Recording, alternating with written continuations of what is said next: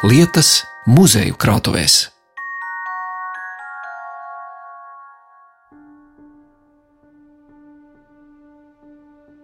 Sveicināti klausītāji! Mans vārds ir Zane Lāce Baltāksne, un skanējumu sāk raidījums par vērtībām mūsu muzejos. Dobele lepojas. Tādu virsrakstu var likt šim raidījumam, jo tas būs stāsts par lietām Dobeles novada muzejā, kas ir saistītas ar nacionālo pašapziņu, ar seno zemgaļu prasmēm un ar rūpniecību šajā pilsētā. Uzzināsim, kā tika atjaunots padomju gados saspridzinātais piemineklis Latvijas brīvības cīņās kritušajiem, kādu īpašu zemgaļu lietu atrada Dobeles pilskalna izrakumos, un kas kopīgs Dobelei ar 20. gadsimta 30. gados Rīgā ražotu grīdu spodrināmo līdzekli. Šos stāstus mums izstāstīs Dobeles novada muzeja speciālistes, vēsturniece Undīne Krūze un krājuma glabātāja Iveta Gudiņa. Viņas mani aizved uz krājuma telpām, sakot, ka te glabājas viens no lielākajiem muzeja dārgumiem. Skatos uz pelēkā granītā veidotu galvu, glītiem vaipstiem, garenu seju, kas ir kāda jaunekļa tēls. Stāstījumu uzsāka Undīna Krūze, un pēc brīža viņai pievienojas Iveta Gudiņa. Jūs mani ievedat uzreiz krājuma telpās, un es lūkojos uz kādu galvu pieminekļa. Kas tas ir? Tas ir viens no mūsu krājuma dārgumiem. Tā ir oriģinālā Dobeles atbrīvošanas pieminiekļa, Kārļa Zemdegas veidotā pieminiekļa un vēlāk padomju varas saspridzinātā pieminiekļa galva, fragments, kas ir izglābts. Visi pārējie fragmenti ir visticamāk palikuši kā būvmateriāli kaut kur Dobeles ielās. Pats piemineklis, tā kompozīcija sastāvā no divām figūrām.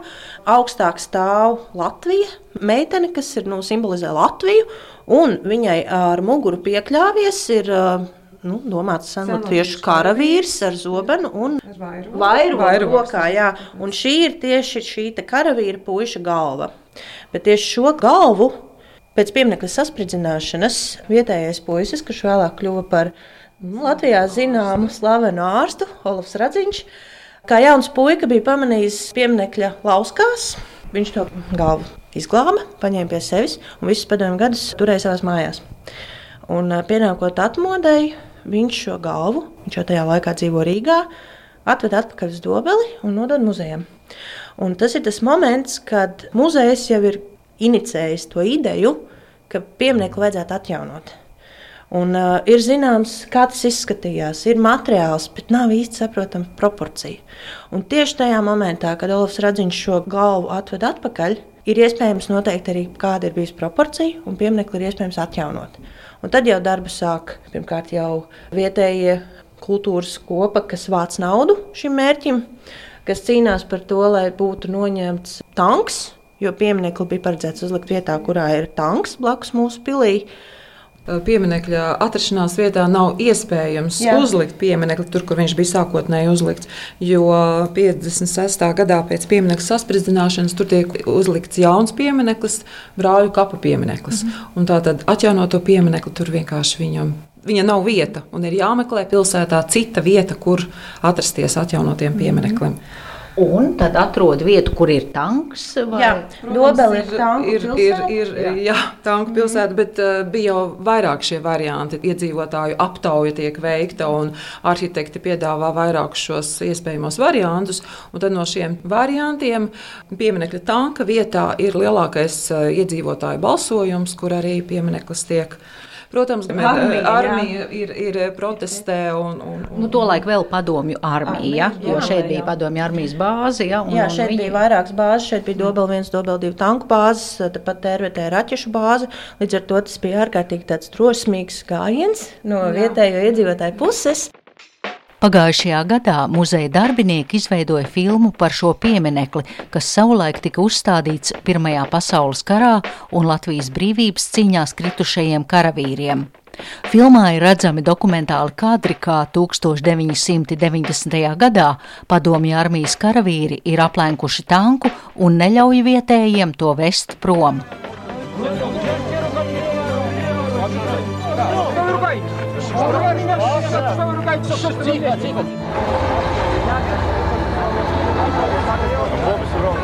Naktī, tumsā un lietu.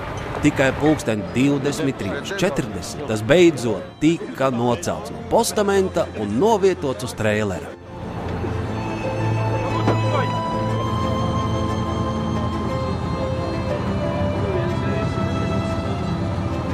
Bet pusdienos sāka savu ceļu uz īstajām mājām - armijas daļa.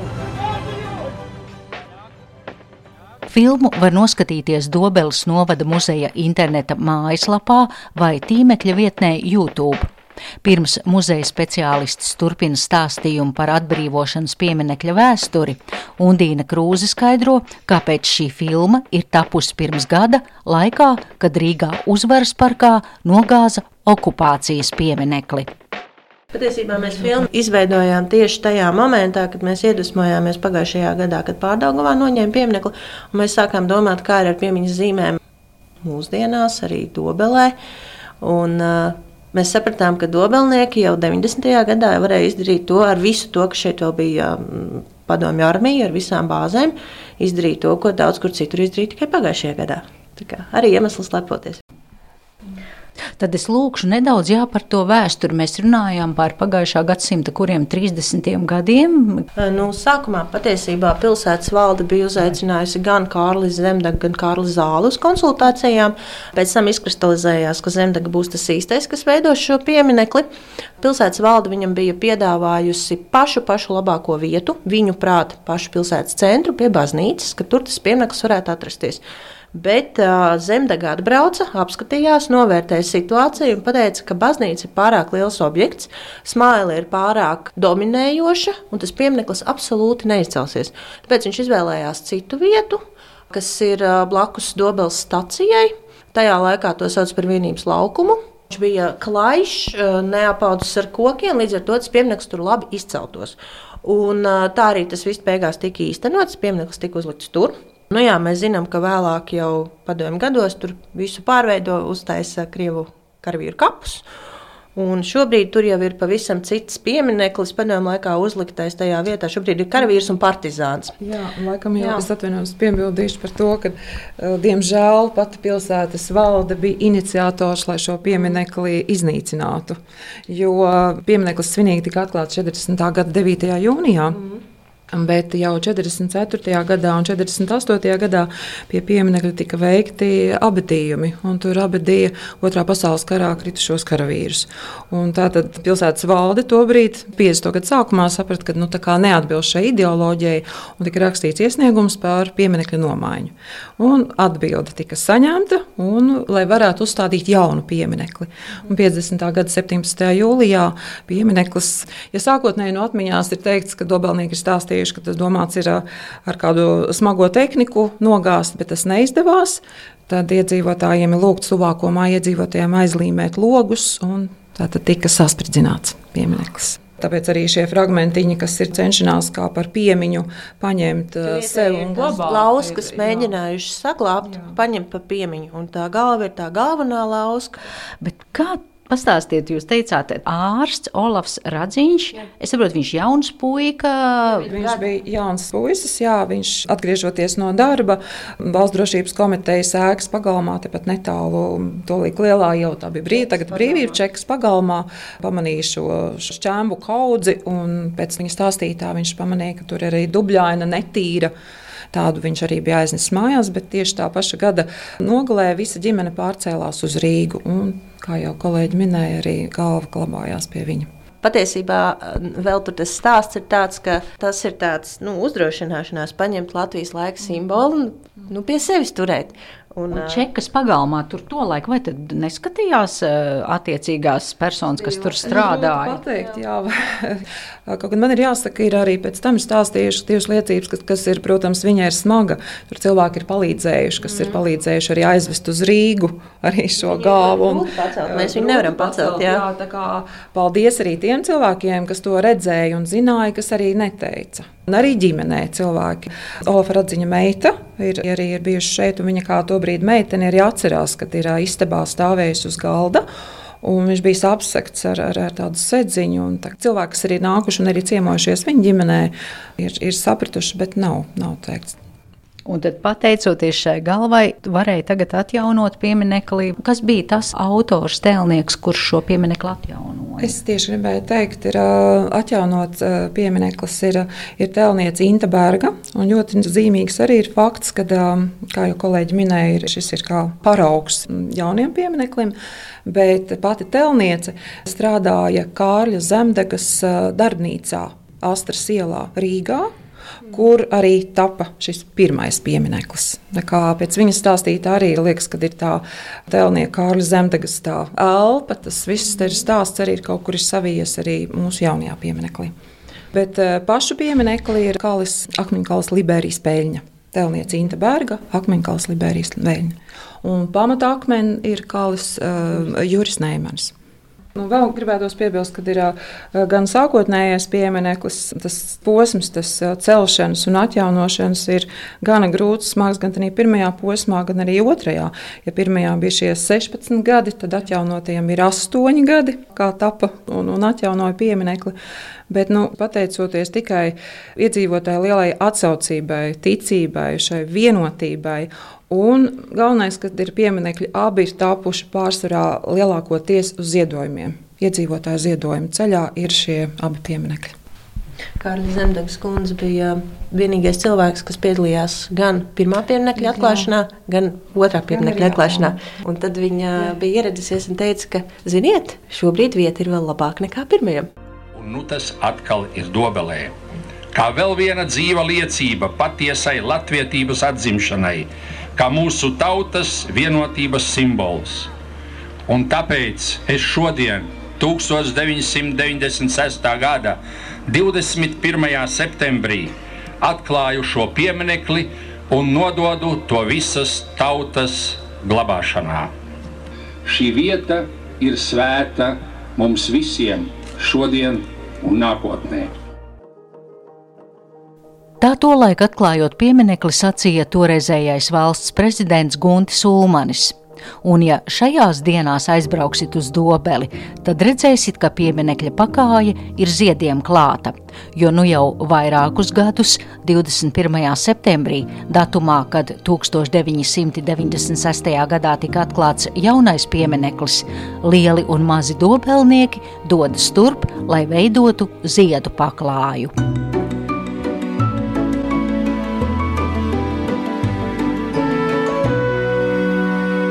Vietu lietas. Nākamais stāsts ir liecība par to laiku, kad Dobeles teritorijā mita viena no senajām baltu tautām - zemgaļi, kuri bija arī prasmīgi rotu darinātāji.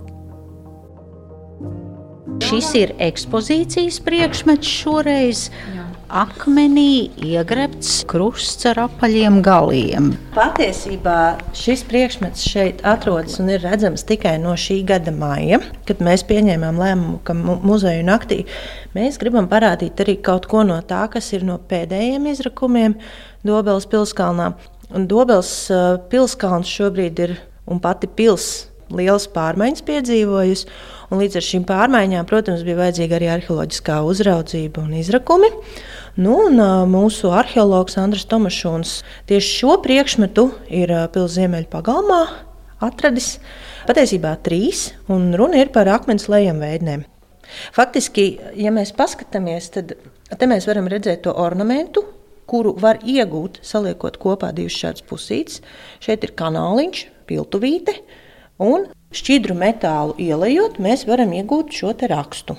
Tas ir uh, Vēlā cels laikmeta akmens lejamveidnes. Un atrasts tātad ir tās mūsu pilsētas slēgtajā pagalmā, aptuveni divus metrus no tagadējās kapelas ēkas. Visinteresantākā un tā, ko es jums arī tagad rādu, ir tā pusveidne. Otra pusīte viņai nav. Mums tikai viena pusīte ir piekariņa vai apģērba apšuves atliešanai. Tad, tad to varēja, nezinu, pie cepures likt. Tas varēja būt apģērba maliņai kaut kāds stūrītis.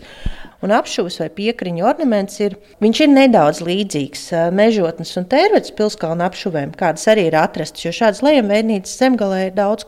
Bet visinteresantākais to mums ir pamanījusi arheoloģija un tieši šīs jums speciālists Dagnijas Varāne, ka tāds šis rombiņš, nu, tieši tāds ļoti līdzīgs, ir vēl tikai Igaunijā bijis atrasts padomu laikā. Un, tāpēc mēs lepojamies ar šo, jo Latvijā Šis te ornamentiņš ir vienīgais. Skatos uz nelielu sērkociņu kastītes izmērtā akmens veidne, kurā ir ļoti skaisti iespiests jā, tas rombiņš ar nopaļotiem galiem un tādiem tā kā zobainām maliņām. Tad tas ir vienkārši bijis nu, greznuma pie, greznuma priekšmets. Jā.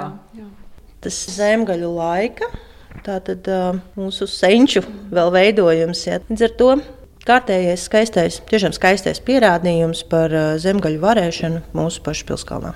No kurienes tie raksti vai ir pētījuši tie arheologi? Nu, tas, tas, tas, ir ir tas, ko, tas jā. ir tas, ko mēs tagad arī uh, teicām, ka tiek salīdzināts ar līdzīgiem atradumiem, un tieši šāds nav nekur Latvijā. Un kaut kas līdzīgs ir bijis Igaunijā, padomju laikos atrasts. Bet, uh, Tieši tāpēc par to rakstu mēs varam teikt, tas ir savā ziņā unikāls.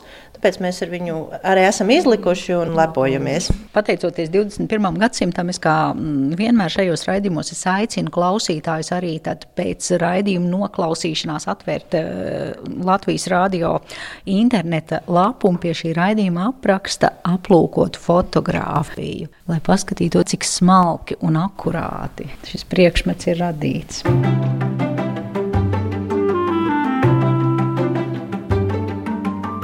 Vietu lietas.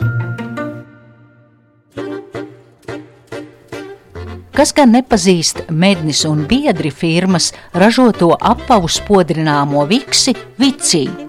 Arī šīs firmas pārējie ražojumi, metālu spodrināmais un grīdu bonierēšanas vaskis ir iekarojuši redzamu vietu tirgū. Vicī ir labs un jādomā, ka viņš nemaldās. Tādiem vārdiem 1932. gadā Latvijas ražojuma propagandas izstādē tika reklamēts Rīgā esošais uzņēmums Mednis un Biedri. Un no tiem laikiem Dobeles novada muzeja krājumā glabājas metāla kārbiņa, kur reiz ir atradies minētajā kompānijā ražotais grīdu vasks.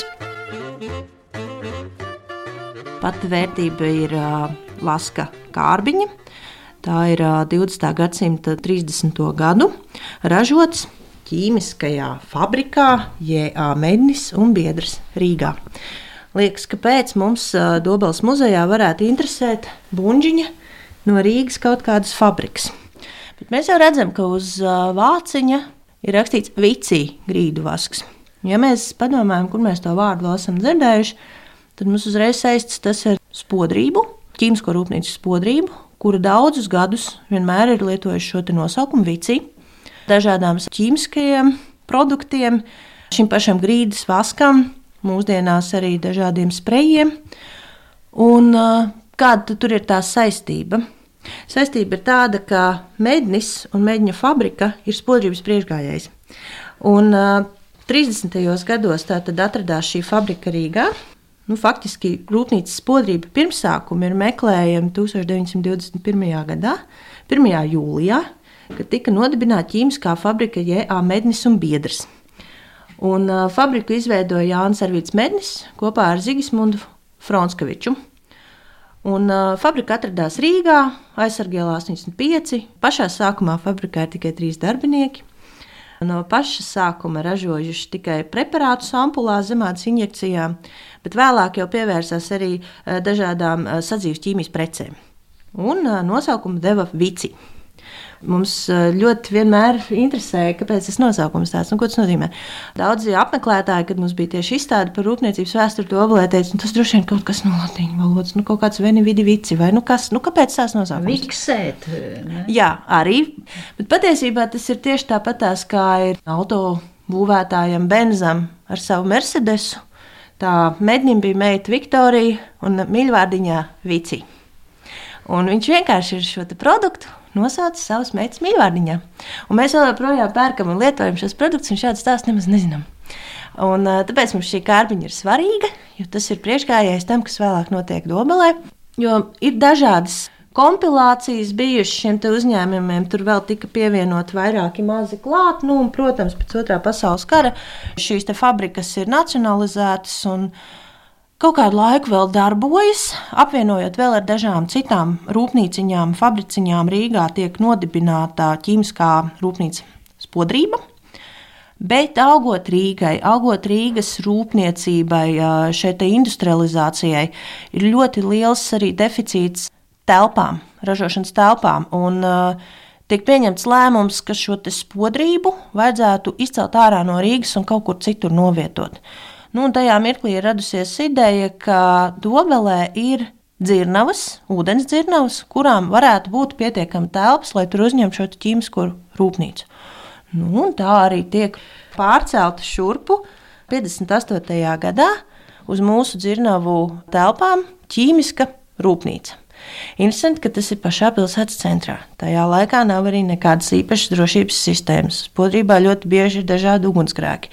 Ir liels grūtības izvākt ārā eh, jau esošās vecās dzirnavu turbīnas. Vēsture spodrībai ir liela un dažāda, bet uh, spodrība ir tas pamatiņš, kur mēs varam teikt, ka no tā 58. gada mums attīstās tāda lielā rūpniecība, jo vēlāk no spodrības eh, atdalās gumijas cehs, kas kļūst par rūpnīcu dobeli. Un mēs visi zinām gumijas mantiņas, dobelē ražotās. Tālāk tiek ražotas sveces. Mēs visi zinām mūsdienās uzņēmumu dobeles sveces. No putu ceha atdalās mūsdienu tenaks. Mēs zinām, ka tenaks ir viens no lielākajiem nu, būvmateriālu ražotājiem Latvijā un Baltijā. Un, uh, tas sākums ir šeit, un to savā ziņā simbolizē šī mazā kārbiņa.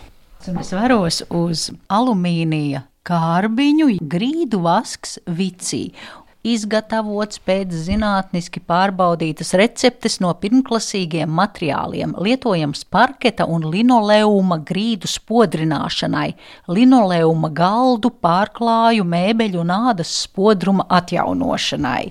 Ķīmiskā fabrika J.A. Mednis un biedrs Un uz kārbiņas ir uzzīmēts, nu, šodien droši vien būtu ļoti politiski nekorekti, jā, jā. bet šeit mēs skatāmies uz melnādainu kungu frakā, cilindrā, un šis melnādainais kungs, jā, dejo pa, jā, stepa dejotājs.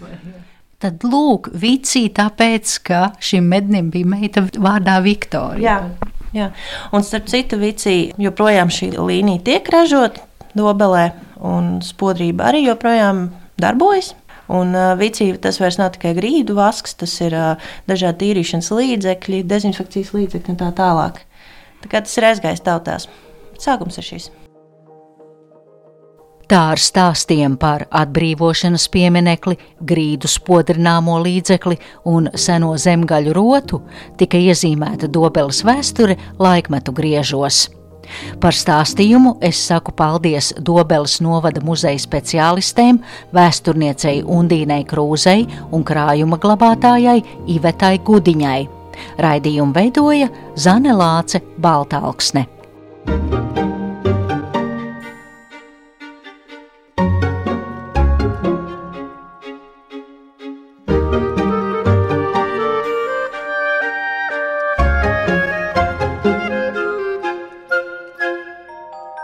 Vietu lietas muzeju krātuvēs.